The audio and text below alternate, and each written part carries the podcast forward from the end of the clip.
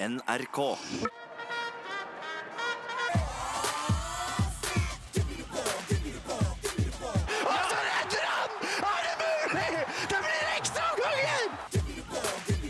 Timeout. En håndballpodkast fra NRK Sport. Sikringen har gått! Alt er tomt! NRK Sport. Hallo, kjære nye venn, og velkommen til håndballpodkasten Timeout.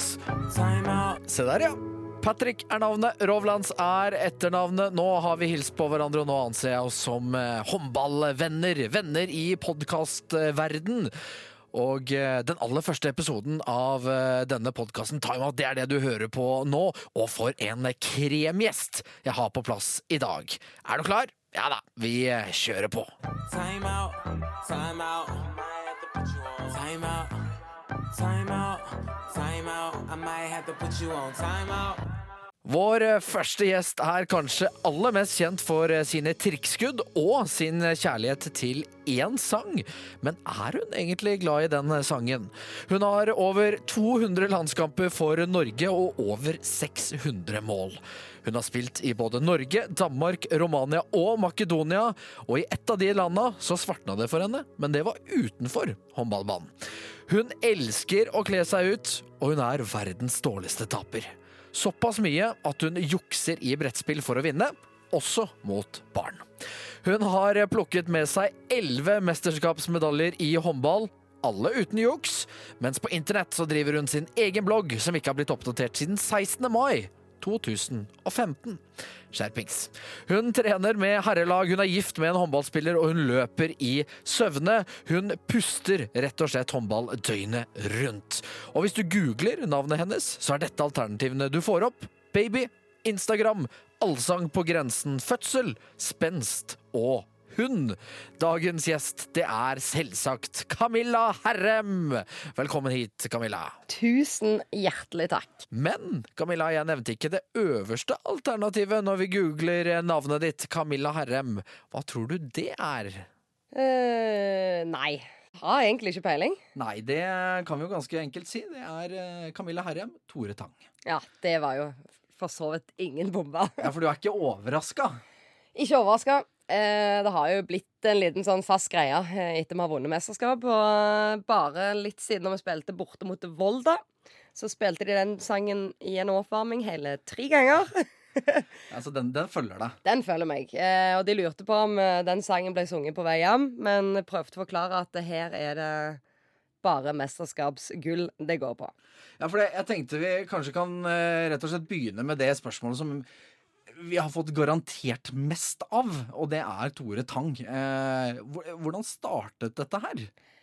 Vet du hva, jeg, jeg er egentlig litt usikker. Det var liksom etter vi hadde vunnet et mesterskap, og så Så, så kom det liksom bare. Jeg, eh, det, det ble bare sånn. Og så har det liksom blitt en sånn greie at hver gang vi har vunnet gull, så har det liksom Det har blitt mer og mer, og så plutselig kommer det inn eh, et band som eh, starter å synge den før jeg har kommet inn døra, nesten. Ja, for nå snakker vi om banketten. ja, det er alltid banketten. Det er det. Eh, selvfølgelig, jeg, eh, jeg er jo glad i den sangen, men man, man er jo litt lei av å synge den. Altså, ikke på den måten, for når jeg synger den, så betyr det jo at vi har vunnet gull. Ja. Så på den måten er jeg ikke lei. Men man trenger jo ikke å høre den liksom tre ganger når man skal varme opp til en seriekamp, liksom. Men jeg tror uh, folk er delt. Uh, Folk er veldig delt. Det vet jeg. I akkurat Tore Tang og Camilla. Forstår, altså, du forstår den? Jeg forstår det kjempegodt. Og det er veldig mange ganger jeg tenker sjøl òg at eh, åh Nå kommer han igjen. Altså sånn, Jeg skjønner at folk blir lei, men uh, så er det liksom bare blitt en greie, da. Så man kan liksom ikke ødelegge den heller, føler jeg. Men det er jo også litt din posisjon blant håndballjentene. Du blir jo både på banen og utenfor banen så blir du litt showdama, showjenta. Er det en posisjon du på en måte trives i, eller er det liksom noe du føler har blitt prakka litt på deg, og nå må du levere, eller? Nei, altså De siste åra så føler jeg jo litt sånn når de på en måte har et band på banketten, og de starter liksom å spille Tore Tang for at man skal synge den, så blir det jo litt sånn at Ja, For du kan ikke ikke gå opp? Nei, da kan man ikke gå opp. Men da har jeg liksom de siste åra har jeg liksom starta litt, og så har jeg på en måte fått alle til å bli med og synge. Um, uh, men uh, altså, den rollen der trives fint i. Altså, jeg eh, liker å gjøre litt andre ting, og jeg syns det er gøy å ha det morsomt, liksom.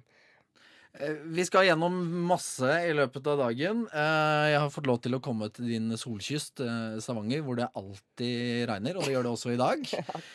Vi snakket litt om, om show. Du, du gjør jo det på banen også. Kjent som en som kanskje er aller best på, på trikkskudd og, og skru og alle disse tingene her. Hvor startet det? Er det på en måte noe du liksom har vært klar på at sånn ønsker du å fremstå for å lage litt ekstra show, eller har du, liksom, har du lagt noe mer bak det? Altså, eh, det starta jo egentlig mm, når jeg så Anja Andersen spille håndball. Eh, hun spilte en sånn type håndball som jeg syntes det var gøy å se på. Hun eh, gjorde masse morsomme ting, tok flyger til seg sjøl, liksom. Og, Så jeg husker jeg hadde videoen av Anja Andersen så jeg satt og så på hjemme om igjen, om igjen, om igjen. Og når jeg var elleve, så, så kom jeg på kontra, og så skyter jeg bak ryggen. Så det starta jo ganske tidlig at jeg ville gjøre noe annerledes. Og jeg skårte, forresten. For det er ikke mange elleveåringer som gjør det. Nei, eh, det er ikke det. Og det er nok av at jeg syns det var litt gøy å prøve litt andre ting. Og istedenfor bare å hoppe og skyte vanlig, så syns jeg det var litt kjekt å, å prøve på litt andre ting. Så, um, så dabba det litt av. Og så når jeg var rundt 15, når jeg var med Sola sitt A-lag og trente, så var det en som heter Kjetil Sævereide, eh, som kom på trening, og han var jo en veldig god høyrekant sjøl. Og han var den som lærte meg trikkskuddet, da. Så øvde jeg og øvde jeg og øvde jeg, og så prøvde jeg det på kamp. For at hvis jeg får det til på trening, så må jeg prøve det på kamp òg. Mm. og da fikk jeg det til. Og så, men det er ikke alltid det går nå heller, så man må øve på det hele tida uansett. Er det noe du på en måte anbefaler unge også å gjøre veldig mye mer av? da, I forhold til å bli mer leken, rett og slett? På, på Ja, jeg syns det. At du må prøve å utforske, det, utforske litt. Altså Det hjelper ikke å gjøre det så mye på trening hele tida, for at det, det liksom steget er å ta det i kamp. Det er jo da liksom det teller, og det, det er da du får denne følelsen at OK, dette her kan gå. Eh, så gjerne vær litt mer sånn at eh, om du bommer, så har det ingenting å si. Da, da prøvde man iallfall på det, uh, istedenfor å ikke tørre å gjøre det, iallfall. Så jeg anbefaler folk til å bare øve på trening, stå på linja og prøve å trikke den i mål, og, og så ta det videre til kamp. Det har ingenting å si om du, om du bommer på et skudd. Jeg hører det. Der har du Camilla Herrems hemmelige tips. Det er veldig bra. Men har det alltid vært godt mottatt? Um, har det vært trenere som på en måte har sagt at nå er det nok av tullet? Uh, eller har Tori reagert? Eller noen trenere du har hatt, eller medspillere som tenker at liksom, det holder nå? Eh, medspiller ikke. Eh, veldig lite trenere, unntatt én trener jeg hadde i Romania. Ehm, og da fikk jeg liksom beskjed om at eh, selv om trikkene gikk inn, så ville han at jeg skulle skyte vanlig. I hans øyne vanlig. Eh, men i mine øyne så er jo det trikkskuddet et vanlig skudd for meg. For det er noe jeg føler at jeg, eh, jeg mestrer, og, og da syns jeg liksom at jeg skal bruke det i, kant, i kamp, da. Eh, hvis jeg hopper for liten vinkel fra kantposisjon, så er det mitt sikreste kort, liksom. Eh, men han ville at jeg skulle holde meg innenfor den her A4-boksen, kan vi si. Hvordan reagerer Camilla Herrem da? Nei, men da slutter jeg jo ikke å gjøre det. Nei, men det Enkelt og greit. Ja, men han ville jo at jeg skulle på en måte slutte å lobbe og trikke, da. Så det var jo eh, det, Da ble det litt kjedelig. Og... Men han har sett deg før de henta deg til Romania, eller? Ja, det var jo det jeg lurte på sjøl når han spurte om det der. For dette er jo ganske langt ut i karrieren. Ja, det er det. Jo, han, han visste jo om det. Eh, så Men sånn er det noen ganger. De vil ha det enkelt. Men eh, altså, da får du på en måte heller bare sette meg på benken. Enkelt og greit. Enkelt og greit.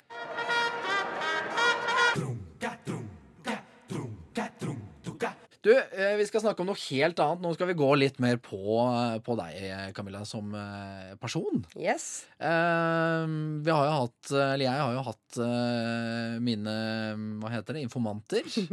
Eh, men jeg tenkte jeg rett og slett bare skal begynne med å si et ord, og så kan du eh, fortelle litt. Yes. Og dette er ikke så informant ennå, det blir kanskje litt verre etter hvert. Ja, det er greit. Konkurranseinstinkt.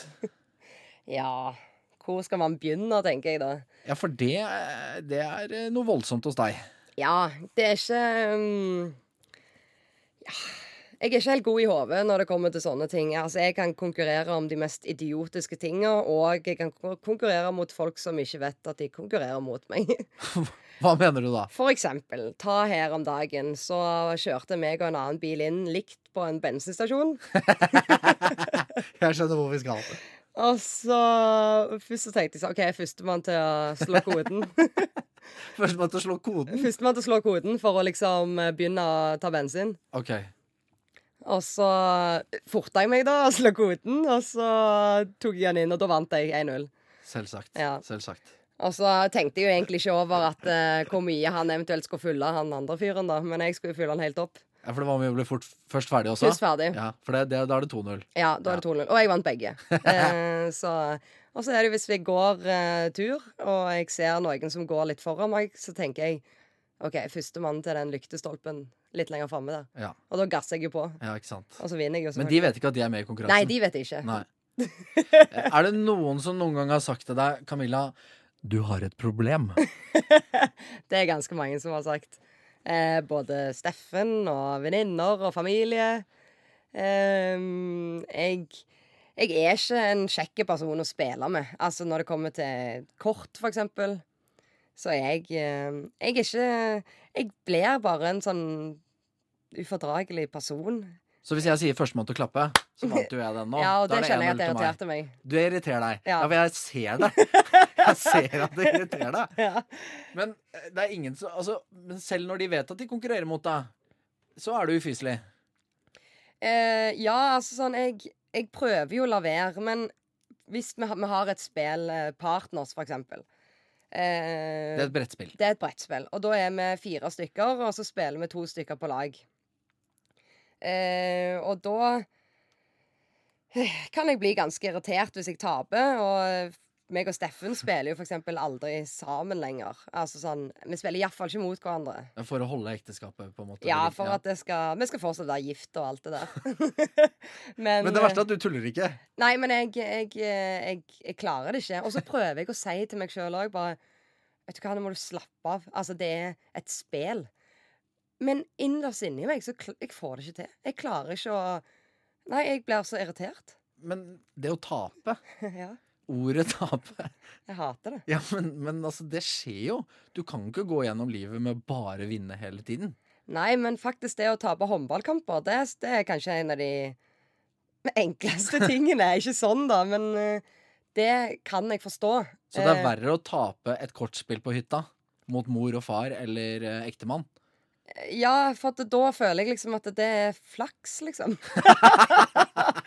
og det irriterer meg. Men håndballkamper så er litt sånn sånn OK, da vet motstanderen var bedre. Altså sånn De var mye mer forberedt, og de gjorde jobben sin riktig, og vi hadde Vi bomma for mye, eller det var for mye tekniske feil. Da er det litt mer sånne ting jeg kan forstå. Men å tape i partners, for eksempel, for at de at Steffen sto og blokka der jeg kunne gå forbi. Eh, sånn så det irriterer meg bare.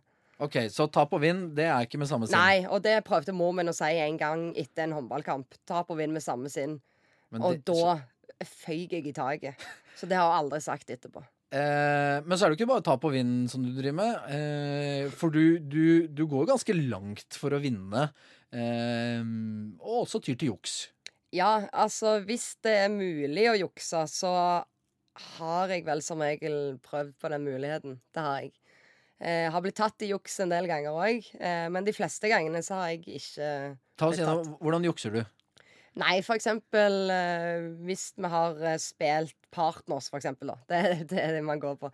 Um, så har jeg, eh, når jeg er på lag med ei venninne som heter Thea, jeg kaller henne for Tassen, eh, da har vi sånn lite tegn, for eksempel at ehm, at hvis hun har et startkort, og jeg har et startkort, for, da, for vi skal jo skifte ett kort i begynnelsen av rundene, okay. så gir vi hverandre et sånn lite tegn at, uh, at jeg har startkort.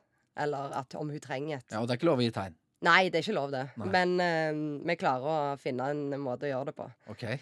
Og så har vi òg Du klarer å jukse. Ja. Ja. Og så en gang så juksa vi på alias. For da var vi hjemme hos meg. Eh, og jeg har et sånn eh, Jeg har et glassbord. Og så satt vi på sida av hverandre, da. Og mens det var de andre sin tur, så tok jeg kortet mitt Og så la jeg det liksom under glassbordet, sånn at hun kunne se hva ordet, ordet jeg hadde. Em, så jeg, mens jeg hadde det liksom under bordet, så så vi liksom på de andre. Men det vi ikke fikk med oss, det var at vi var jo fem stykker der, så var jo de tre stykker på lag, og så meg og Tassen, da. Og han ene som var med, han fikk jo med seg hva vi gjorde for noe. Men han sa jo ingenting, og så ble de ferdig med sin runde. Og da plutselig hører man han bare ehm, Ja, jeg, jeg vil bare ta opp en ting. og vi bare Og det er en «Ok». veldig søt måte å gjøre det på. Ja, ja, han var veldig sånn fin på det. Ja, eh, for at eh, jeg så at dere prøvde å jukse. Ikke prøvde. Nei, men- Dere juksa. Jeg bare Hæ? Ja, nei, jeg så at du tok kortet ditt eh, under og viste det, liksom. Og jeg prøver jo alltid å ro meg fra det, men eh, det endte jo med at jeg tok et nytt kort, da. Men, men du jukser bare mot voksne. Jeg jukser ikke mot barn. Det er ikke det jeg har fått høre. Nei, jeg juks... Nei. Det er noen tantebarna jeg har fått beskjed om som eh, Camilla Herrem jukser mot. Nei, men jeg, jeg pleier ikke å jukse, men jeg passer Camilla, på at Camilla, vær ærlig nå. Vær ærlig nå. men faktisk så jeg bare passer på at de ikke jukser mot meg. For du vet jo av og til så teller liksom én, to, og så hopper de seks steg, så er det tre, fire. Og da er det sånn Hallo! Tilbake til nummer tre her. Så det er informanten som, som ljuger her, da. Ja, det kan jo være. Altså, jeg har nok kanskje juksa mot noen, men Men eh, jeg, eh, jeg er faktisk en litt sånn dårlig taper mot uh, tantebarna mine òg. Hvis de er en dårlig taper uh, sjøl, så blir jeg det tilbake igjen. Og så har en liten fugl eh, hviska meg i øret at eh, eh, hvis vi tar bort juks, vi tar bort at ha er dårlig til å tape, men hvis du er i ferd med å tape, så kan du finne på litt nye regler eh, underveis. Eh, vi kan jo kanskje bare si fotballoppvarming med Lundesøstrene. Åh, ja. eh, I mesterskap så eh, Så var det 1-1 i fotball. Og da Nei, jeg lurer på om Nei, det var 1 Jeg tror det var 1-0 til de, de gamle. Og så begynte de å sparke den ballen opp på tribunen hele tida. For at de skulle dra ut tida. Og da ble, det, da ble jeg så grælig irritert. For det første, vi spiller ikke så mye fotball til oppvarming, og det er noe av det kjekkeste jeg vet. Og for det andre så begynner de å sparke ballen opp, så sier vi det er ikke lov. Det er ikke lov å begynne å sparke ballen opp på tribunen. Ja, For det sto i reglementet før, ja. Nei, det står ikke i reglementet, men uh, altså, det irriterte meg at de gjorde det. For at jeg eh, Vi var jo i ferd med å tape, og så kaster de bare bort tida. Eh, så ja, det kan jeg huske, og det husker jeg veldig godt. Så da hadde jeg en liten fight med, med de to. Ja, for etter hva jeg skjønte, så når eh, Lundesøstrene, Katrine og, um, Kikki. og Kikki begynte å sparke ballen opp for å drøye tid, eh, da ble det plutselig eh, to minuspoeng eh, når man sparka ballen opp på tribunen. ja, for det irriterer meg sånn. Og det er klart, da vinner jo ditt, ditt lag med en gang. Selvfølgelig gjør de det. Eh, jeg vet ikke om den ble godtatt, det tviler jeg på, siden jeg var typ 19 år. De var litt eldre enn meg og hadde litt mer år eh, bak seg på landslaget. Så jeg tror ikke den var helt innafor. Men jeg bare husker at det ble en eh, Det ble en liten fight der etter fotballen, faktisk. Vil du si det alene, Camilla, eller skal vi si det sammen? Du kan si det. Du har et problem. Time out, time out. Time out, time out, time out. I might have to put you on time out, En håndballpodkast fra NRK Sport. Ja, eh, vi sitter jo da fortsatt med deg, Camilla. Nå har vi i hvert fall eh, gått litt i dybden i forhold til konkurranseinstinktet. Du lever jo som en toppidrettsutøver. Eh, ja, for allerede der begynner du å le. Ja, for jeg føler at jeg vet hva det går til. Men ja, vær så god. Nei, men gjør du det? Eh, du trener jo selvfølgelig godt. Eh, det er jo en viktig del eh, av det å være toppidrettsutøver. Eh, det er også viktig å, å restituere godt, og det, det gjør du jo. Ja. Eh, kosthold det er jo også en veldig viktig del av det å være toppidrettsutøver. Vi stopper der. Vi stopper der. Ja. Ja. Hvordan er kostholdet ditt? Du, det er veldig bra, altså. Ja, Du har jo en, eh, en sponsor i Stavanger, blant annet. Ja, jeg har Fab Lounge. Og det er en godteributikk. Nei, det er en uh, skjønnhetspleie. Ja, det var ikke den vi tenkte på. Nei, det var ikke det. Du, kan ikke, du får ikke lov til å sitte her og nevne sponsoren din. Det skal du ikke gjøre. Nei, jeg har Dropsen som eh, sponsor. Og de er faktisk planta på bilen min, og det er den beste snorbutikken i verden. Ja. Ja, for Det er jeg er jo- veldig glad i smågodt. Og det er jo fair nok. Man skal unne seg det lille ekstra av og til. Eh, hvordan er det da hvis du, hvis du får gjester, for eksempel? Skal kose dere med litt grann snacks. Hva, hva tilbyr du gjestene da? Eh, nei, som regel, så hvis de vil ha noe annet enn cola, så må de ta med det sjøl. eller jeg har vann, da. Eh, og så er det snop. Er det. Mm. Det er det. Det, går, eh, det går som regel i det. Ja, for jeg har også hørt at du er glad i å rett og slett bare eh, s- gjøre en halvferdig jobb eh, på mange måter. Du, du, du setter for eksempel Du lager ikke en sjokoladekake, men du setter fram glasuren. Hva i all verden er det? Eh, jeg elsker glasur, og jeg elsker sjokoladeglasur, så jeg syns selve kaka er litt sånn oppskrytt. Så jeg eh, er ikke så glad i denne bunnen, egentlig. Så derfor fant jeg ut at eh, da er det bedre å spise bare glasur. Ja, Hvordan fungerer det? det? var Alle får en liten skål med en skje, liksom? Ja, hvis man vil ha det. Eh, jeg eh, lager en del glasur, og jeg vet jo hvem som liker det, og hvem som ikke liker det, så da får de en liten skål med glasur om man vil ha. Ja, for etter hva jeg skjønt, så gjør du det samme med cookie dough. Eh, Du Åh, oh, det er så godt, det. Ja, men, men, men du lager jo ikke cookiesene. Nei, vi spiser bare deigen. Men altså Igjen, toppidrettsutøver i kosthold her. Ja, men er som sagt, man må kose seg litt, og jeg syns liksom Akkurat med cookie, da, da er det liksom den deigen, den er den beste. Og det husker jeg når mor eh, lagde den i juletidene før òg, at eh, jeg var ikke så interessert i, i cookiesene, liksom. Jeg ville bare ha deigen, for den er jo så sinnssykt god. Men altså, nå må ikke folk tro at jeg bare sitter hjemme og spiser skit. Nei da, Eh, det kommer mer her også. ja, så- men eh, jeg er veldig glad i sånne ting. Det er jeg. Jeg eh, elsker det. Men hvis vi legger vekk snacksen, Camilla Ja. eh, Camilla Herrem skal ut på restaurant. Så ja. han skal knipse litt bilder og litt selfier med fansen. Setter seg ned, får et hjørne alene sammen med ektemannen og bestiller noe god mat. Eh, hva bestiller man da? Da bestiller jeg alltid en stor biff, den største de har, med fløtegratinerte poteter og peppersaus. Ja. Og hvis ikke de har eh, fløtegratinerte poteter og eh, biffen, så klarer du deg relativt greit med bare en stor skål med peppersaus òg, eller? Ja, ja meg. Eh, ja, det var jo altså etter jeg hadde tatt mandlene, så var vi ute med Byåsen og skulle feire Tonje Nøstvold sin bursdag. Da fikk ikke jeg lov til å spise noe særlig etter den operasjonen. Så da spurte jeg om å få en skål med peppersaus, så jeg kunne spise den. Så mens resten av laget satt og koste seg med, med, med næringsrik mat, så satt du med åpen munn og mandlene borte og gavla i deg litt peppersaus. Ja, det gjorde jeg. Jeg er veldig glad i peppersaus, kan man si.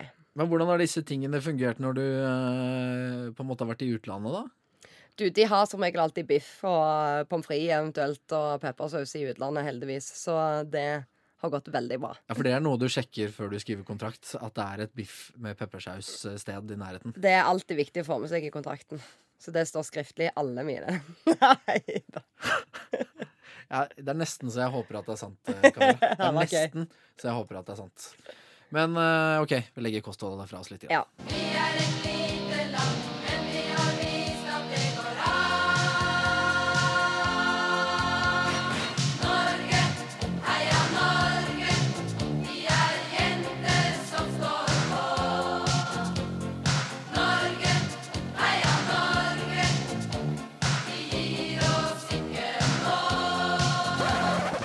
Men eh, vi gir oss med den sangen, eh, i hvert fall for eh, noen minutter. Jeg tenkte, Camilla, at vi kunne prate litt om oppturer og nedturer. Og um, det slår meg litt at uh, i hver sin ende av skalaen for deg, så handler det om OL. ja, det er helt riktig, det. Du har jo um, OL i eh, 2008, som var i Beijing. Uh, der jeg på en måte akkurat ikke ble tatt med. Eh, da valgte de bare en venstrekant.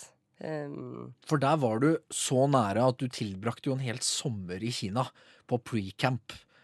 Hva, hva skjedde da? Hvordan, hvordan var det? Ta oss gjennom den, den dagen der. Nei, altså, man uh, fikk beskjed om at uh, Dette fikk beskjed om ganske tidlig, at det mest sannsynlig kommer bare til å bli en venstrekant. Mm. Og da Ja, man hører det jo, men man uh, tenker jo at jeg skal overbevise henne til til å ta med to. Så var jo det jeg prøvde på gjennom hele sommeren. Eh, men jeg klarte ikke å gjøre det. Så Rett og slett overtale Marit Breivik til at hei, du kan ikke komme unna meg, på en måte. Være, Ja. ja. Det var litt sånn. Ehm, og det syns jeg det, det er fint man skal ha den tankegangen, for at ellers så Hva skulle jeg gjort? Da skulle jeg bare gravd meg ned, liksom. Og jeg hadde jo en hel sommer der jeg skulle være med, være med landslaget. Ehm, men til slutt så bestemte seg for å ta med en kant. Eh, og da det, var det meg som eh, ble sittende igjen eh, på fortauet mens alle de andre gikk inn i OL-landsbyen. Så venta jeg ut forbi på taxi. ja, for det var eh, Det var på en måte sånn. Kommer ikke nærmere, for å si det sånn. Ja, for det er veldig strengt under et OL. Man, jeg har opplevd det sjøl, ikke som deltaker, men, men man får jo ikke lov til å komme inn i en deltakerlandsby hvis ikke man er deltaker. Nei. Men du hadde jo på en måte vært så deltaker så lenge, egentlig. Ja, det er helt riktig. Jeg hadde jo vært med på alt uh, hele sommeren. Og helt fram til de skulle inn de dørene. Uh, men da var det min tur til å dra hjem, rett og slett. Så Nesten så du så det for deg i sånn sakte film eh, idet de gikk av gårde der. ja, det var veldig Det var tøft å, å sitte ut forbi der og se at de hadde sitt største glis på å skulle inn i OL-landsbyen. For det var jo det var jo nå det skulle starte. Eh, jeg hadde jo bare vært med på oppkjøringen. Um, så den var tøff. Så da dro jeg måtte rett på ferie med familien etterpå. Men så prøvde Ikke jeg til å- Kina? Nei, ikke til Kina. Men da prøvde jeg liksom å snu litt den tankegangen at uh, vet du hva, nå har du fått lov til å ha trent med verdens beste landslag, verdens beste håndballspillere, i en hel sommer. Jeg har aldri vært i bedre form uh, fysisk og egentlig mentalt. eh, så da skulle jeg bare fortsette videre og gjøre den jobben jeg skulle. For det var jo òg et EM som kom noen måneder etterpå. Og da skulle jeg absolutt være med på det mesterskapet der. Så um, Og da ble du med. da ble jeg tatt med. Heldigvis. Men men du hadde jo EM i 2006, VM i 2007, og så eh, OL i 2008. Alle ble du vraket på en måte på, på målstreken. Mm. Eh, hvorfor tror du du klarte å ta den, der, den innstillingen i huet? Fordi de fleste med tre smeller i trynet der ville kanskje gravd seg ned. Nei, altså, jeg tror bare at jeg har det der konkurranseinstinktet i meg òg. At nå skal jeg fader meg vise det jeg kan. Og det eneste måten man kan gjøre, med, man kan gjøre noe med det på, det er på banen. Ehm, så da vil jeg bare ta det videre, spesielt etter Beijing, og vise at eh, jeg vil være på landslaget. Jeg skal gjøre absolutt alt jeg kan for å, å være med.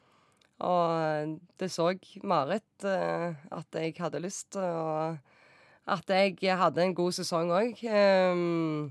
og da fikk jeg lov til å være med. Det ble på mange måter veiskille da, i Det karrieren gjorde din. det. Det gjorde det, det mesterskapet der. Det, det ble det. Så um, Men det var noen uh, tøffe perioder i, gjennom de årene der. Men um, mentalt sett så har det hjulpet meg veldig mye. Og jeg tar aldri noe for gitt når det kommer til å være med i mesterskap eller ikke. Men så, Camilla, så kom eh, OL i 2012 i London. Eh, og om du hadde vært eh, ganske langt nede på, på skalaen av følelser eh, fire år tidligere, så eh, kom du relativt høyt opp på skalaen eh, når vi snakker OL i, i 2012. For, eh, for dette må jo ha vært et av, et av høydepunktene i karrieren. Ja, virkelig. Altså, jeg glemmer aldri den dagen der de skulle ta ut laget. Vi blir eh, sendt ei liste på, um, på mobilen, og eh, du kom inn eh, 12.20, eh, typ. Og så um, møter man Tore Hergersen og Mia i, eh, inne på et rom. Og da um, er det, sier Mia, ja, er du spent nå? Og den er slem! Den er slem, det er ikke innafor. Jo, men altså, da Jeg tror nok ikke de hadde sagt det hvis man ikke er med. Men Ja. det tenkte jo ikke jeg på der da. Nei. Jeg var jo spent, som bare det. Så eh, jeg, for første så kom jeg jo kanskje ti minutter, kvarter før jeg skulle, og gikk bare fram og tilbake. Så de hørte meg jo, så da sa de jo bare Vet du hva, Camilla, du kan bare komme inn. Um, så kom jeg inn. Jeg uh, står, og um, så sier de ja, du kan godt sette deg ned. Og det sier jeg at det klarer jeg ikke. For at jeg er så grælig spent på hva som skal skje. Og da sier Torir at um, du skal være med til OL. Og eh, det er Altså, det er den beste følelsen i hele verden. At du skal få lov til å være med i et OL og være med på det der showet der og oppleve det. Det er jo Ja, det er ingen følelse som kan beskrive akkurat det der. Og så toppet det sikkert eh, følelsesmessig seg når, eh, når det også ble gull da, eh, i, i London i 2012. Jeg tror vi kan røpe såpass. Det kan vi gjøre. Det er, det er kanskje den medaljen Eller det er den medaljen jeg setter høyest av alle. Um, det var et uh, Det var noen kamper der som jeg tenkte shit, kommer kom vi til å klare oss? Vi havner på fjerdeplass i gruppespillet og klorer oss uh, til der. Og møter Brasil i kvartfinalen, og det er kanskje den kampen jeg husker aller best. Ja, jeg skal bare skyte inn der at jeg hadde mista troa på dere eh, da. Det hadde alle i media òg. Men vi spiller jo da kvartfinalen. Ligger under med seks mål til Brasil til pause. Det jeg husker så godt med den kampen der, det er at Tore kom inn i garderoben, og han er så rolig og bare forklarer oss akkurat hva vi skal gjøre, eh, hvordan vi skal gjøre det. Og han, han hadde bare en sånn ro over seg der jeg tenkte vet du hva, dette her eh, klarer vi. Altså, jeg får frysninger. Se her. Ja, jeg ser det. Um, og at selv om vi lå under Du har skikkelig frysninger ja, og langt oppover. Ja, ja, jeg vet det. Jeg, eh, men jeg husker det så sykt godt at uh, han hadde bare den, den, roen som gjorde at vi òg var sånn OK, ja, men dette her kommer vi til å klare. Um, det er ganske syk følelse å ha når man ligger under ja, ganske det kraftig der til pause. Og iallfall når de skårer det første målet òg, at vi ligger bakpå med syv. Ja. Um, men så starter vi opphentingen, og det var Altså, den følelsen der og den kampen der, det er noe av det kjekkeste jeg har spilt. uh, rett og slett. For der viste vi liksom hva som bor i oss, og at vi klarte liksom å, å ha den opphentingen der. Det var fantastisk. Men akkurat den roen til Tore i pausen, det er noe som jeg aldri kommer til å glemme. Eh, og når vi er så høyt oppe Så detter vi fort ned. ja, altså Dette var jo, som du sa, høydepunktet. Den største medaljen du, du har, mm -hmm. har fått. Du kan jo kalle deg sjøl olympisk mester. Det er ganske kult. Uh, og så kom OL i Rio i 2016. Da var du med igjen. Uh, uh, det gikk jo ikke helt som dere hadde håpet på. Det gikk jo ikke helt som Norge hadde håpet på. Tåler vi, og jeg beklager, men ja. Eh, tåler vi et lite gjenhør med, med semifinalen mot Russland? Eh, slik hørtes det altså ut eh, i de siste sekundene i ekstraomgangene av semifinalen i OL mellom eh, Norge og Russland. Bredar Oftedal holder på å skli, finte, gir ballen til Kristiansen, ut til Herre fra kanten! Lopper! Den går på utsida! Den går på utsida! Nei, nei, nei! Russland kommer til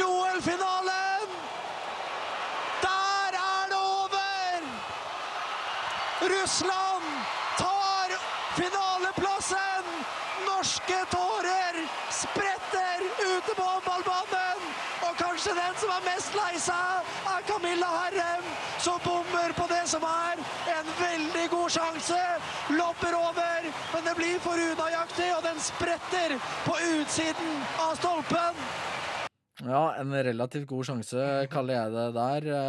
Hvordan eh, har det øyeblikket preget deg eh, i etterkant? Eh, hvordan hadde du det, rett og slett? Nei, altså Jeg hadde det jo helt forferdelig. Det, det er en periode som var ganske tøff, og jeg var veldig langt nede. Jeg visste ikke helt hvor jeg skulle gjøre meg sjøl. Jeg hadde bare lyst til å komme meg vekk, egentlig. Um, skal sies at du stilte opp i pressesonen der etterpå og gjorde intervjuer. Og det, det syns jeg sa så mye om deg. Uh, og det vet jeg ikke om jeg har sagt til deg, men det, det viste den personen du var. Ja, men, er, er. Ja. ja, men uh, det tok meg lang tid for å klare å bevege meg bort, bort til dere, faktisk. Men jeg visste at jeg måtte si noe, um, og jeg syntes ikke det var fair at jeg uh, ikke skulle ha sagt noen ting. Um, jeg ville òg si liksom at uh, Ja, unnskyld til alle. Um, for at uh, du føler liksom at du har svikta ikke bare lagvenninnene, men hele Norge. og det er liksom ikke en veldig god følelse å sitte på. så det var en del, det var en del telefonsamtaler hjem og snakka med, med, de hjemme. Um, det, var, det, var, tøft. Jeg skjønte jo på, på din, dine nærmeste at uh, det kanskje har vært tøffere enn du har gitt uttrykk for i ettertid. Uh, enn det som har kommet fram i, i pressen. Det er klart at dette har vært et øyeblikk som har preget deg, men Ja, det stemmer nok det. Jeg eh, hadde ikke så veldig lyst til å snakke med folk om det. Og mm, når du føler Den følelsen jeg satt med, det var jo at eh, Ja, at jeg eh, hadde som sagt skuffa hele Norge. Eh, alle på laget mitt og meg sjøl og alle rundt meg. Det var jo den følelsen jeg satt med. Så bare det liksom å på en måte komme seg ut døra og møte folket på den måten der Jeg hadde ikke lyst. Jeg ville ikke at folk skulle se og bare «Åh, Det var hun som ødela alt, liksom. Um, For det var jo sånn jeg kjente på det. At um, Ja, at jeg hadde bare skuffa alle. Så for min del å, å komme ut og og skal liksom takle det, det syns jeg var skikkelig tøft. Så jeg var inne i store deler eh, etter, etter den kampen og etter det mesterskapet. Du stengte deg rett og slett inne hjemme. Ja, jeg, eh, jeg hadde bare ikke lyst til å Som sagt, jeg ville ikke snakke om det. Jeg ville liksom ha det vekk, for at jeg hadde tenkt på det så mye. Og Og samtidig er det det eneste nasjonen prater om, på en måte, og hvis man ser deg, så får man jo liksom Å ja. Det var kanskje den assosiasjonen du var redd for? At å, der er hun Ja. som bommet. Det var liksom det. Og det var ingen som sa noe til meg. Det var ingen som sa noe stygt eller negativt til meg. Men jeg, jeg ville bare ikke gå ut der og, og Jeg vet ikke. Og vise meg. Eh, for at man føler liksom den, den følelsen som jeg hadde, det var bare sånn Fy fader. Altså, hva du har gjort, liksom. Men du reiste deg jo eh, etter dette. Du var med på EM-gullet i 2016 i Sverige. Der ble du også tatt ut på Ålstad-laget som beste venstrekant. Det ble VM-sølv i fjor etter en ganske dramatisk finale mot Frankrike. Og så kommer vi jo ikke utenom eh, å prate om årets mesterskap, eh, Camilla, som går uten Camilla Herrem. Hvordan var det å få den telefonen fra Torir eh, i år? Nei, altså Det var jo litt sånn som jeg kanskje hadde forventa. Eh, med tanke på tida som jeg hadde hatt med å bygge meg opp igjen. Og mm, det var jo litt knapt. Eh, men man har jo selvfølgelig et håp, da. Så sånn sett så var det litt kjipt. Ja, for du, Det er jo ikke så veldig lenge siden du fikk et barn. Det skal vi jo ikke glemme. Eh, og du har kommet tilbake i rekordfart, men var det på en måte et mesterskap som du kanskje kunne tåle eh, en skuffelse, så var det kanskje dette?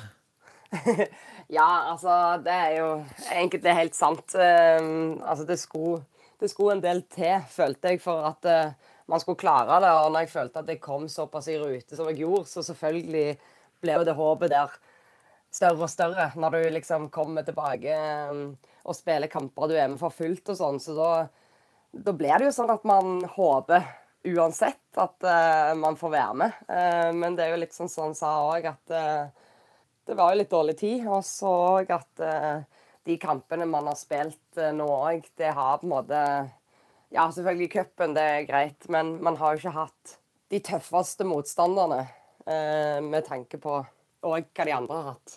Håndball-Norge sitter jo og venter spent på eh, denne troppen som kommer noen uker før mesterskapet. Men eh, når vi sitter spent på en tirsdag og venter på troppen, så sitter jo dere spent på en mandag og venter på telefonen fra Torir. Eh, når ringte han, og hva, hva sa han? Eh, Det må ha vært noen følelser som går gjennom kroppen når du ser at eh, det står Torir på, på displayet. Jo, Man vet jo alltid at de ringer seint. Eh, så man går jo egentlig hele dagen. Altså, Jeg vet at en ikke ringer klokka mellom Han ringer aldri mellom tolv og seks, eksempel. Så man venter liksom helt til kvelden. um, så da Nei, jeg var vel i åtte, tror jeg. Og så sto, satt jeg og Jeg tror jeg snakket med Emilie, faktisk, bare på Snap. Og, um, og så ringte han, da.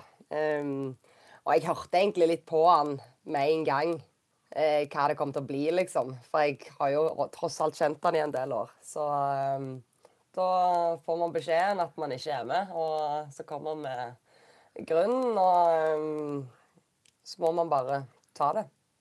Så du er eh, verdensmester, Camilla. Du er olympisk mester.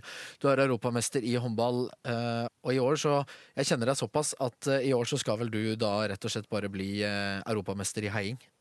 ja, jeg må jo nesten det. Jeg har ganske mange jenter der som jeg er veldig god venn med, og som jeg på en måte unner alt godt. Så jeg skal heie alt det jeg kan for at de skal nå, nå toppen, rett og slett. Det er jo det man ønsker. For de jentene der, og for eh, alle som er rundt landslaget òg. Jeg har jo vært der i kjempelenge, så Men eh, eh, det holder med dette året her. Ja, for du skal tilbake. ja, det skal jeg. Uten tvil. Eh, vi må gå videre, som du sier, og da, da passer det fint å avslutte, for nå var vi litt sånn langt nede. Uh, men takk for at du delte. Uh, så kan vi gå litt, litt videre til morsommere ting, kanskje? Hyggeligere Yes. ting. Skal vi gjøre det? La oss gjøre det. Time out, time out. Time out, time out, time out. I might have to put you on time out. Eh, du har jo eh, eh, hatt en eh, lang karriere. Eh, du har spilt i både Norge, i Danmark, i Romania og i Makedonia. Hvordan har det vært? Det har vært innholdsrikt. Innholdsrikt. Ja. Romania. Eh, du har vel stort sett vært den første norske jenta som har spilt der nede. Eh, hvordan, hvordan var det å, å møte rumensk kultur og, og en, kanskje en litt annen væremåte, en litt annen treningshverdag? Hvordan, hvordan var det?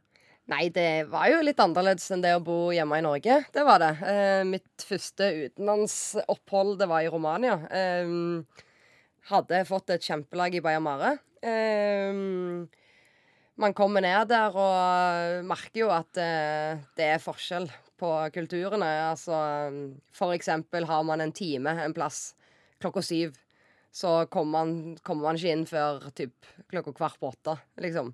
Så der er det litt mer sånn eh, ja, avslappende til timetidene, kan man si.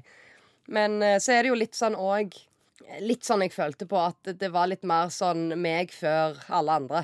Eh, det viktigste at jeg skårer mye mål, for da er det bra, liksom. Altså ikke deg, Ikke men, meg, eh, men eh, måten man tenkte på. At eh, man, noen kunne være fornøyde med at de hadde skåret åtte mål i en kamp der vi har tapt, nesten. Mm. Og så var det jo òg tilfeller der folk satt og grein i garderoben fordi at de ikke hadde eh, spilt eller eh, Eller ikke gjort så god kamp, selv om vi vant kampen. Eh, og det er jo ikke jeg så vant med fra Norge, for at da er det liksom sånn at man Selvfølgelig er man skuffa hvis man har spilt en dårlig kamp, men man- er likevel glad på laget sine vegne for at man vinner kampen. Mm. Og så tar man heller med seg litt av den der skuffelsen hjem og, og er litt sånn åh, fader, det var, det var kjipt, det var en dårlig kamp. Mm. Men det her så var det liksom så Det skjedde så mange ganger at eh, At folk som kanskje ikke spilte så mye, eller sånne ting, de satt liksom og, og grein i garderoben fordi at de ikke spilte, eller at eh, de ikke spilte så bra, og sånne ting. Um, så det var jo litt sånn uh, Ja, det var litt sånn merkelige forskjeller uh, der, men uh, sånn er det. Jeg syns det var fantastisk å spille kamper. Eh, jeg syns det var eh, et fantastisk publikum. Jeg elsker eh, å spille kamper i Romania. Jeg syns det er en helt konge. Eh, men jeg passa ikke helt inn der, tror jeg. Eh, med tanke på det som var ut forbi håndballen. Mm. Jeg syns jentene jeg spilte på lag med, var De var ganske bra, og jeg trivdes veldig godt når det kom til håndball, men jeg tror jeg sleit litt eh, mer ut forbi, og jeg følte ikke at jeg fikk gjort mitt eh, som håndballspiller der nede. Jeg hørte også bare noen rykter om at du sprang etter en bil der nede. Ja, fy fader. Eh, ja, men det er jeg ble så forbanna. For at eh, meg og Lykke Var, var det en konkurranse? Nei, det var det aldeles ikke. Altså, Jeg vet ikke hva som hadde skjedd om den hadde stoppa, for å være helt ærlig. Um, meg og Lykke, hunden, vi skulle eh, bare gå over veien. Um, og så har jeg noe i bånd, selvfølgelig. Um, Og så kommer det en bil som kjører liksom sakte bak. Og så idet jeg liksom skal ta Lykke over uh, på fortauet, så um, Så kommer han litt borti Lykke med bilen, og da svarter det for meg. Ja. Um, da stiller jeg meg foran bilen, og så slår jeg alt jeg kan på, på ruta. Eh, går jeg på sida av bilen der han sitter, så slår jeg alt jeg kan eh, i vinduet der. Eh, og så begynner han å kjøre. Eh, og da begynner jeg å springe etter, eh, med Lykke i bånn eh, bak meg. Såpass, ja. Ja, for at jeg Det svartna bare for meg. For at eh, hun, hun er jo en- Hun er jo babyen min, liksom. Og jeg var jo Jeg, jeg tenkte hvis noe skjer med henne, så Ja. Så da eh, ble det springende etter den bilen der. Men eh, som sagt, jeg, eh, jeg føler jeg er rask, men jeg er ikke like rask til å ta igjen en bil, altså. Men da eh, Det er første gangen jeg har hatt følelsen der jeg ikke har kontroll over min egen kropp. Mm. For at det rullegardinene de gikk ned. Jeg, eh, den dag i dag så er jeg, jeg er glad for at eh, eh, personen ikke gikk ut av bilen. For Ja, For du er redd for hva du hadde gjort? ja, faktisk. For at det Jeg ble så forbanna. Jeg har aldri vært så forbanna i hele mitt liv. For jeg var så redd. Eh, det var jo ikke noe Hun fikk jo ikke vondt eller noe. Hun gikk jo på en måte bare videre. Men jeg ble så jeg ble så redd og jeg ble så forbanna at jeg visste ikke hva jeg skulle gjøre av meg sjøl. Du, du fant rett og slett uh, ut at uh, jeg har en mørk side her, på en måte? At Ja. uh, her var det noe som Ja, jeg tror vi kanskje alle skal være glad for at den bilen ikke stoppet. Ja, jeg, eh, jeg eh, tror vi skal være glad for det. Men det var, det var en ekkel, eh, ekkel opplevelse, for der mista jeg da mista jeg faktisk litt kontroll. Og jeg kunne jo fint sikkert brukket hånda mi òg, for jeg slo hardt på de vinduene der, altså. Mm. Men jeg, jeg, jeg ble bare så Jeg ble så redd for hunden min, så Wow, det er morsinstinktet som Ja, slår det er inn. det. Så, Virkelig. Um, Ikke men- kødd med ungene mine.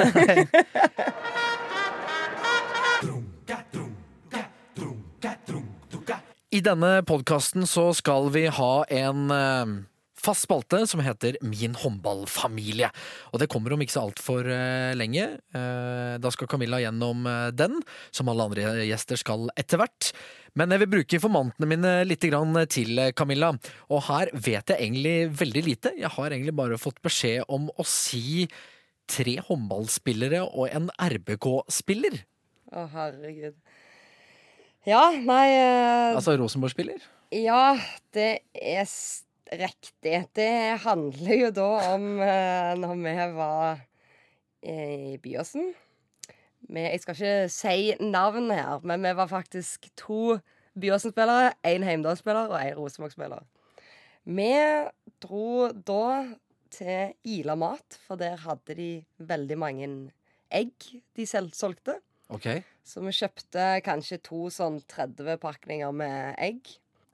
Til hva? Og så eh, kledde vi oss i svarte klær. Og så eh, gikk vi rundt i nabolaget og kasta egg på Nei. folk. På folk? Ja. Ikke på hus, men på folk? På folk. Hvor gamle var dere da? da? Vi var for gamle for det der. Uh, nei, vi var nå i 20-åra. Og dette er Nei, nei, nei, nei, nei, nei. Det er ikke kødd engang. Eh, på lørdagskveld.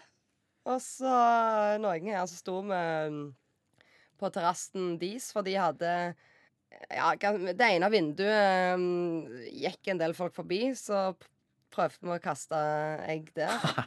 Og så når de gikk rundt hjørnet, så hadde de jo en annen terrasse som gikk ut andre veien, så da prøvde vi å gjøre det igjen. Så. Ja, Så hvis ikke du traff første gang, så, så skulle du i hvert fall treffe andre gangen? Ja, men det morsomste var når vi gikk ut av huset. Alle var kledd liksom og planlagt at vi måtte ha svarte klær på, men uh, Og så gikk vi ut og kasta litt egg. Ja, for det, Er dette en Rosenborg-spiller som alle kjenner til? Jeg tror nok de fleste vet hvem det er, ja. Ja. Ja. Og det er? Jeg kan ikke si det. Jeg blir jo fryktelig nysgjerrig. ja, det skjønner jeg.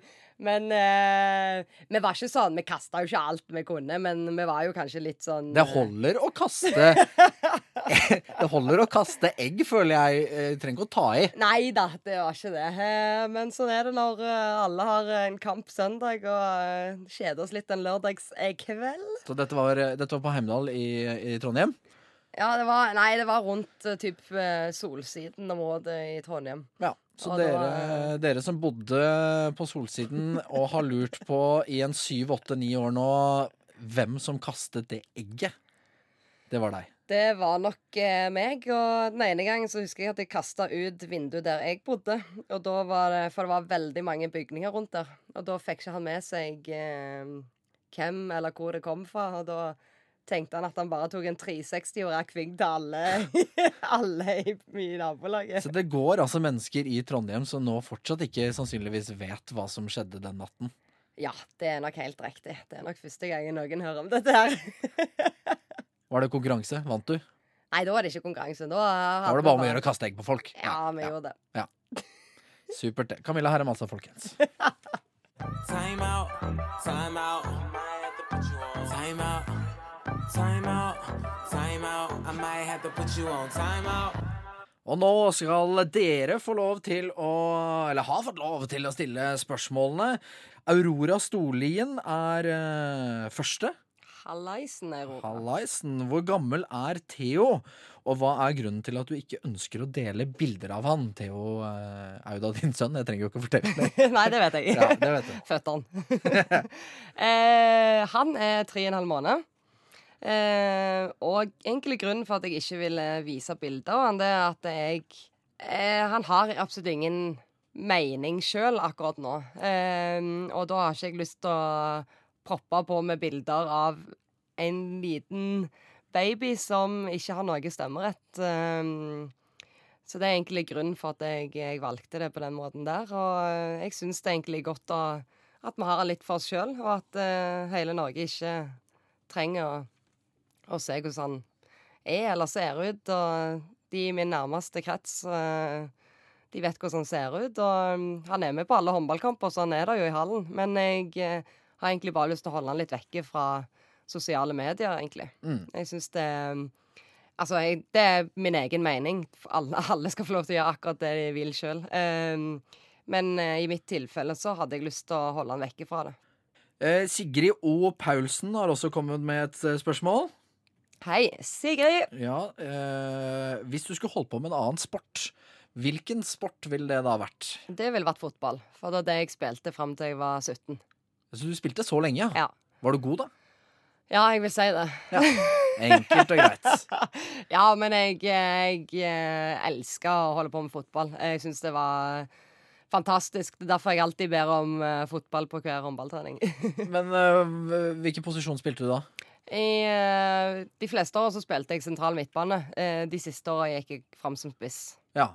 Hvordan var du som, eh, som type på banen? Var du, var du den aggressive som kjefta på dommerne og hadde mye stygge taklinger? Var du finessen? Hvem er det du Nei, jeg var jo en litt sånn goalgetter. Jeg ville alltid være der så man kunne skåre mål, selvfølgelig. Men Camilla Ronaldo? Ja, ikke sant? Eh, ble faktisk toppskårer siste året mitt eh, på A-laget. Eh, Fikk vi med den også? 33 mål. eh, nei, men jeg syns det var utrolig gøy. Jeg eh, har aldri vært sånn superkompis med dommere generelt, ikke i voksen alder heller, så, så jeg var jo alltid litt surmuling der. Men eh, fotball er det jeg ville spilt. Så har vi en som eh, kaller seg for Ingensporte. Ja, da sier vi hei til deg. Eh, Hei til deg òg. hvilket Det er et bra spørsmål, syns jeg. Ja. Hvilket mål vil du si er ditt beste? Det jeg husker best, det må vel være når vi spilte i Lillehammer. Eh, når jeg får ballen av Heidi på, på kontra. Jeg blir pressa nesten helt ut til sida, og så klarer jeg å trikke den inn. Eh, det var jo typ fem skritt i forkant der, da, men jeg havner jo i reklameveggen eh, på sida av mål. Eh, det er kanskje den beste trikken jeg har hatt. Vi, hvor, når snakker vi da? Da snakker vi i 2010, på EM på hjemmebane, faktisk, i Lillehammer. Eh, vi delte da mesterskapet med Danmark, da, men det husker jeg veldig godt. Eh, Så er det Og dette har vi vært litt innom eh, fra før, men eh, kanskje det finnes noe mer. Andrea Ferjestad. Hallo, Andrea. Hei. Eh, hva er dine guilty pleasures? Ja, Saus skal- vet vi jo er en.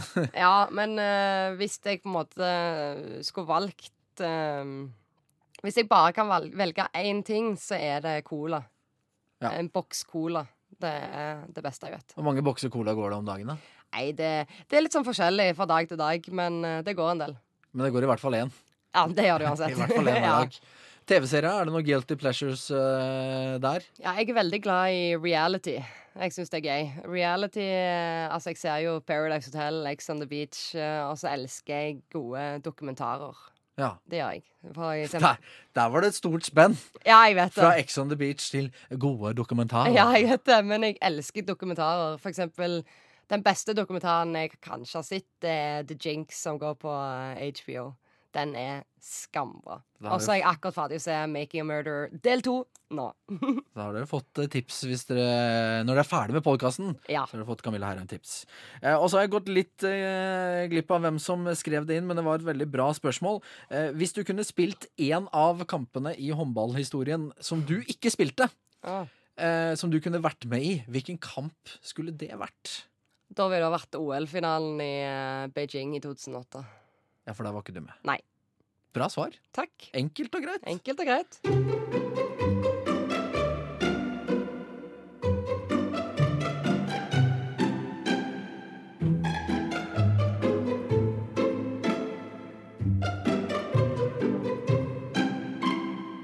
Ja da, det er eh, fast spaltetid, min håndballfamilie. Og jeg skal forklare det kort for deg. Det fins et ordtak som sier at det kreves en landsby for å oppdra et barn. Og sånn tenker jeg det er litt med en håndballspiller også. Man trenger visse kvaliteter rundt seg for å bli best mulig på banen. Så hver av våre gjester skal få lov til å velge seks kvaliteter som de ønsker å ha rundt seg, og så matche det med en håndballspiller, og da ta med de inn i sin første syver. For eh, Camilla Herrem skal selvfølgelig spille på sin egen første syver. Så Camilla, hvilke kvaliteter har du valgt? Nei, altså Da har jeg valgt eh, humørsprederen, lederen, forbildet, støttespilleren, tillitsvalgt og den alle frykter. Ja. Ja. Skal vi begynne med forbildet? Ja, det kan vi gjøre. Eh, hvem er det du eh, har sett opp til i alle år? Ikke sett opp det på den måten som kanskje folk tenker på, eh, men på forbildet mitt så har jeg skrevet Stine Bredal Oftedal. For jeg syns hun er en helt fantastisk person, eh, både på banen og utenfor banen. Hun tenker på alle rundt seg, og hun er en eh, utrolig, utrolig bra person eh, å ha i livet sitt. Så på forbilde på andre ting Altså Selvfølgelig hun er en fantastisk god håndballspiller òg, men hun har så mange andre kvaliteter som jeg beundrer, da. Så er det Stine. Ja, og Ikke så verst håndballspiller, må vi jo nesten si. Så Hun det er ikke det dummeste å ha på laget, det. Nei. Eh, Du har gått inn i kapteinsteamet sammen med henne. Hvordan, hvordan har den erfaringen vært? Du, den har vært veldig bra. Meg og Stine er jo veldig forskjellige med tanke på hvordan personlighetene våre eh, Jeg er jo en veldig direkte person, og, mm, og er kanskje av og til litt hard på den måten der. Stine er litt mer den som Hva skal vi si? Hun tenker på alt og alle rundt seg, og hun vil liksom at uh, ting skal gjort, bli gjort skikkelig, og hun er på en måte en kaptein med stor K, syns jeg. Hun har noen kvaliteter som veldig få andre har, så um, hun er en fantastisk god kaptein. Ja, vi, eh, jeg støtter opp om dette. Ja, det tror jeg alle i Norge gjør, for helt ærlig. Så er det humørsprederen. Vi eh, sier ikke at Stine ikke er det, men, eh, men vi har kanskje en enda større en. Ja, eh, humørsprederen har jeg satt eh, Emilie Hege Arntzen. Eh, for at eh, det er ingenting som slår å være i garderoben med henne før kamp. Der vi får oss en liten twerk opp etter veggen, eller at vi får en sang, eller noe sånn. Og det er litt sånne ting jeg syns det er veldig kjekt at man kan kødde litt før kamp. Selv om det er viktig, så er det viktig at vi har noen som kan eh, gjøre litt humor ut av ting. Ok, Så vi har humørsprederen Emilie Egarnsen. Heller ikke det en dårlig håndballspiller. nope. Eh, hva var neste kvalitet? Eh, lederen. Lederen eh, trenger vi selvfølgelig i din eh, drømmesyver. Yes, og da har jeg skrevet Andrea Lekic. Eh, hun som jeg spilte med i Vardar. Hun må du eh, beskrive litt. Ja, Uh, Lekichu er en person som òg sprer veldig mye glede. Hun har en utrolig bra humor, men når det gjelder på banen, så det, tar hun alltid ansvar. Uh, Og det er en person som jeg hadde stolt på i, i vanskelige situasjoner når det kommer til det som skal skje på banen. Ja, for det ser jo på måten hun spiller på også. Det er en jente du kan ta med deg i krigen. Ja, virkelig. Og hun har alltid ryggen din uansett. Um, så hun vil jeg eh, veldig gjerne ha som lederen på mitt lag. Eh, hvilken posisjon har hun? Ja, hun er midt, da. Men eh, jeg tenkte ikke på Nei, det er ikke så farlig. Du har tre midtbekker nå, men det er ikke Ja, så men det, det, jeg tenkte ikke på Det det. gjør ikke noe. Nei, det er kvaliteten vi er ute etter. Ja. Neste kvalitet. Da har jeg støttespilleren. Ja. Eh, og da har jeg skrevet Barbara Arenart. Hun er brasiliansk målvakt. Jeg spilte med henne ett år i Byåsen og ett år i eh, Romania. Eh, hun har jeg eh, blitt veldig godt kjent med, og um, stiller alltid opp. Eh, er det noe man er lei seg for, er det noe man trenger, så har hun alltid ryggen din. og jeg er iallfall veldig glad for at jeg, har, at jeg har henne i livet mitt. da. Og hun er en person som, som jeg tror alle hadde delt sitt med, da. Eh, og en trygghet å ha i gruppa. Er, har du en spesiell episode hvor du har opplevd at uh, man trengte Man trengte Barbara? Ja, altså i, Hun går under navnet Barbie, da. uh, men um, Ja, jeg visste det, men jeg hadde ikke lyst til å si det sjøl. Nei, jeg skjønner det. Uh, det er når jeg var i Romania, og jeg hadde litt sånn down-periode, så var hun alltid der og snakka med meg og sa at dette kan du gå helt fint, og husk, du har alltid meg her. Så eh, det er ganske mange episoder eh, der borte som hun, hun var og støtta meg, ja. Da har vi fått inn en keeper. Da mangler vi to kvaliteter. Yes, da har jeg eh, den som alle frykter. Ikke på den måten der, men på håndballbanen kanskje, og da har jeg Heidi Løke. Ja, selvsagt. Eh, Heidi har såpass mange gode kvaliteter utenom òg, men med en gang man setter innpå Heidi på en bane, så er absolutt alle obs på henne. Um, For det er ikke bare vi i pressen som skaper et bilde av at eh, de er redde for Heidi Løke inn på linja.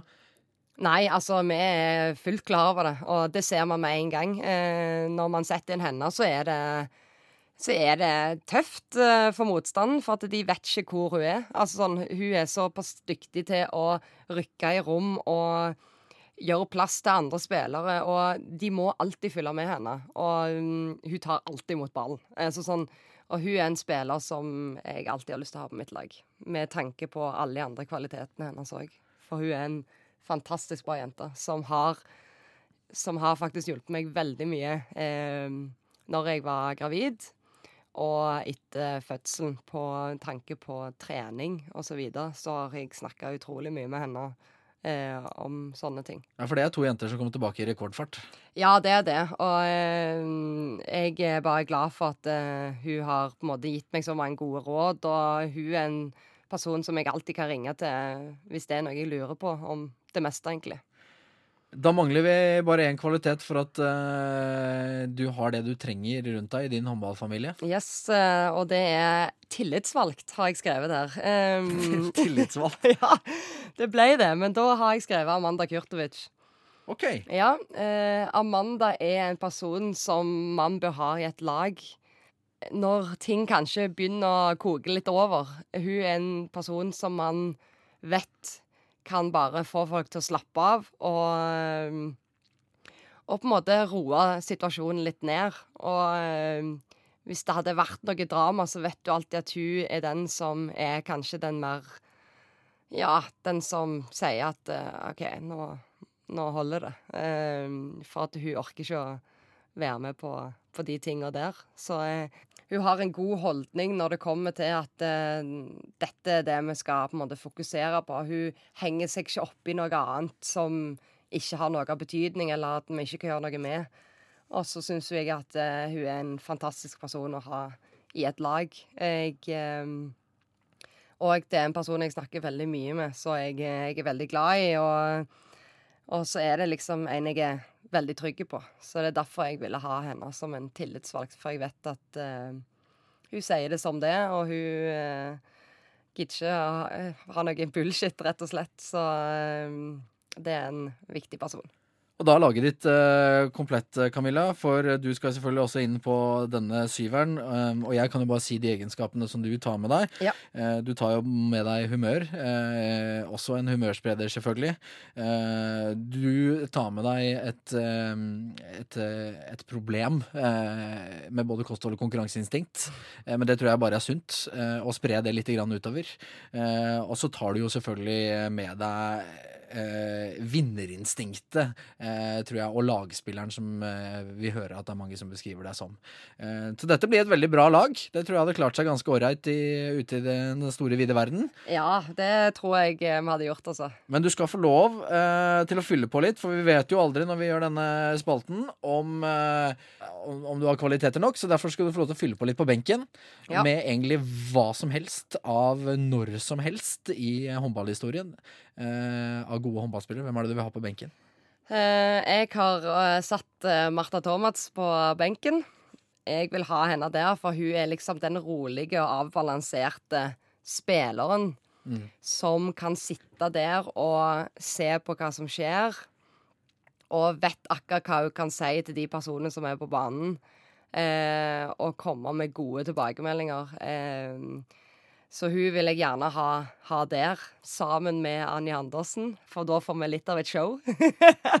Ja, for det er klart, her har du valgt en fra, en fra hvert nivå ja. i forhold til uh, lugnhet. Det kan man si. Vi har Martha som er den rolige, og så har vi Anja Andersen som plutselig kunne tatt av hele laget mitt uh, på sekundene. Uh, men Anja vil jeg ha der, for hun var mitt store forbilde da jeg var ung. Så um, Men jeg kunne sagt veldig mange som eh, kunne sittet der, uten tvil. Eh, men eh, som sagt, jeg vil ikke ha et eh, ganske stort lag. Jeg liker at det er litt sånn intimt og bra med de spillerne som er der, og jeg tror det hadde vært et fantastisk bra lag. Det tror jeg òg. Laget ditt er komplett. Hvem skal prøve å, være trener for Annie Andersen og, og co.? Da har jeg sagt eh, at eh, Valerie Putans, treneren jeg hadde i Byåsen, skal være trener sammen med Steffen Stegavik. Lykke til, gutter. Lykke til med denne oppgaven der. Helt til slutt, Camilla. Hva skal laget hete? Jeg tror vi egentlig bare det heter Lykke. Ja. Ja. ja. Det er et fint navn. Ja. Og også navnet på din eh, kjære hund. Det er det. Eh, Camilla, vi, eh, jeg har storkost meg. Jeg vet ikke hvor lenge vi har sittet her, men eh, det føles ikke så lenge, for tiden bare flyr. Den gjør det. Har du hatt det gøy? Jeg har hatt det veldig gøy, men eh, ja, det blir spennende å stille det blir. Eh, ja, jeg tror jo folk kommer til å kose seg med både saus og andre historier. eh, og jeg føler vi har blitt litt bedre kjent med deg. Eh, neste uke så skal vi bli litt bedre kjent med Sander Sagosen. Eh, kanskje den største stjerna på herresiden vi har hatt på mange, mange år. Hver gjest skal få lov til å sende et dilemma videre, så hva skal vi spørre Sander om? Da kan vi spørre han om om han ville gått med en amerikansk fotballhjelm med gitter og hele bakken, eller svømmeføtter Resten av livet. resten av livet. Da blir Ja. det dilemma. Tusen hjertelig takk for at du eh, kom, eh, Camilla. Vær så god. Se, nå blir det sånn nydelig, fin avslutningsmusikk i bakgrunnen. Jeg trodde jeg hadde bedt om Michael Jackson, men Ja, du hadde bedt om det. og Det, kommer det, det, det har vært det òg. Det har vært det også. Du, har du noe spesiell måte du sier ha det på? nei, egentlig ikke. Nei. Nei Så da... vi bare si sier takk for i dag. Og vi eh, koser oss med det som kanskje har vært eh, et av de største høydepunktene eh, for en kommentator de siste årene. Torbjørn Bergerud sin redning mot Kroatia. Vi høres igjen neste uke, folkens. Da er det Sander Sagosen som er med oss. Slatko Horvat kan sende Kroatia til VM-finalen,